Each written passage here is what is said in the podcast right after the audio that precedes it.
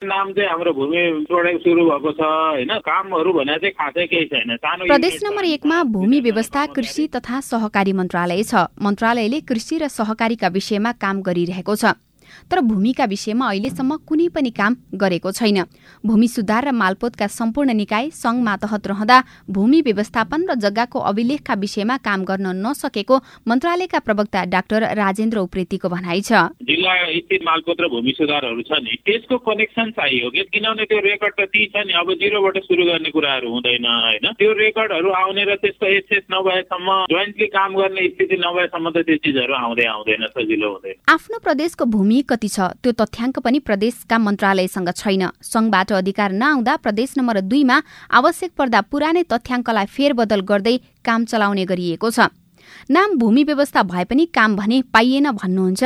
प्रदेश नम्बर दुईका प्रमुख नापी अधिकृत उपसचिव विजय कुमार महतो। फिल्डमा गएर एकुरेट डाटा आएको छैन। पहिलेकै डाटामा कहिले तलमाथि गरिदिन्छ यिनीहरू कन्सल्टेन्ट दिएको छ कि? आफै गरिरहेछ। अस्ति मात्र कुरा चल्यो कि अब यिनीहरूलाई पैसा अलिकता इन्भेस्ट गरेर गाविसका जुन प्राविधिकहरू छन् त्यसैलाई दिएर प्रत्येक गाविसको डाटा लिने प्राविधिक कति छ। के के छन् एकुरेट डाटा आओस् भनेर गाउँमा पठाउनु भन्ने कुरो चला थियो। कति जमिन ऐलानी कति पर्ती कति सुकुम्पासीले जग्गा पाए कति जमिन प्लटिङ भयो कति खेतीयोग्य जमिन हो यी विषयहरूको अध्ययन र व्यवस्थापनको काम प्रदेश सरकारले गर्न खोजेका छन्। तर सकिएन भन्नुहुन्छ बागमती प्रदेशको भूमि व्यवस्था कृषि तथा सहकारी मन्त्रालयका प्रवक्ता डाक्टर शरण कुमार पाण्डे। अब हामी निकट भइसक्यो यसलाई कसरी प्रदेशले एरियाहरू कुन हेर्ने कसरी लगत लिने हो होइन? कति दायरामा हामी काम गर्ने हो हाम्रा चाहिँ युनिटहरू के के हुने हो तल्लो तहमा हामी काम गर्दाखेरि भन्ने विषयमा कुराहरू निर्कुल भइसकेपछि नै यसलाई अझ अगाडि बढाउन सक्ने अवस्था देखिन्छ। हाल एक सय एकतिसवटा मालपोत र नापी कार्यालयले संघ सरकार अन्तर्गत रहेर सतहत्तरवटै जिल्लामा नियमित काम गरिरहेका छन्।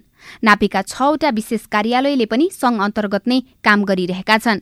के संघले प्रदेशलाई अधिकार दिन नखोजेको हो त? संघीय सरकारको भूमि व्यवस्था सहकारी तथा गरिबी निवारण मन्त्रालयका प्रवक्ता जनकराज जोशीले सीआईएनसँग भन्नुभयो। ती निकायहरूको काम अलिकति संवेदनशील प्रकृतिको र जग्गाको सम्पूर्ण अभिलेखहरू र दस्तावेजहरू राख्ने र त्यसको व्यवस्थापन गर्ने अनि जग्गाको हक हस्तान्तरण लगायत कारोबारहरू गर्ने जिम्मेवारी उहाँहरूसँग छ। हामीले प्रत्येक जिल्लाको नापी र मालकोट कार्यालयहरूको अभिलेखहरूलाई केन्द्रीय अभिलेख प्रणालीमा डिजिटलाइज गरेर कम्प्युटर माध्यमबाट अनलाइनबाट सेवा दिने गरी माध्यम तयार गरिरहेका छौँ। यो तयार भइसकेपछि खास गरेर नापजाँच र मालपोतसित सम्बन्धित सेवाहरू प्रदेशले व्यवस्थापन गर्ने र त्यसको कार्यान्वयनको केही कामहरू स्थानीय तहबाट गर्ने खास गरेर घरजग्गाको प्रमाण पूर्जाहरू वितरण गर्ने लगायतका कामहरू स्थानीय तहबाट गर्ने गरी आवश्यक तयारीहरू गरिरहेका छौँ। त्यसपछि चाहिँ क्रमशः हस्तान्तरण गर्दै जाने भनेर व्यवस्था भएको छ र त्यसै अनुसार काम भइरहेको छ। हालसम्म एक सय आठवटा मालपोत कार्यालयको रेकर्ड डिजिटलाइज गर्ने काम सकिएको छ। छ। डिजिटल माध्यममा राखेर समग्र तथ्याङ्कको केन्द्रीय अभिलेख तयार हुन कम्तीमा अझै एक वर्ष लाग्ने देखिन्छ। संविधानमा लेखिएको अधिकार पाउन प्रदेश सरकारहरूले अझै एक वर्ष कुर्नुपर्नेछ।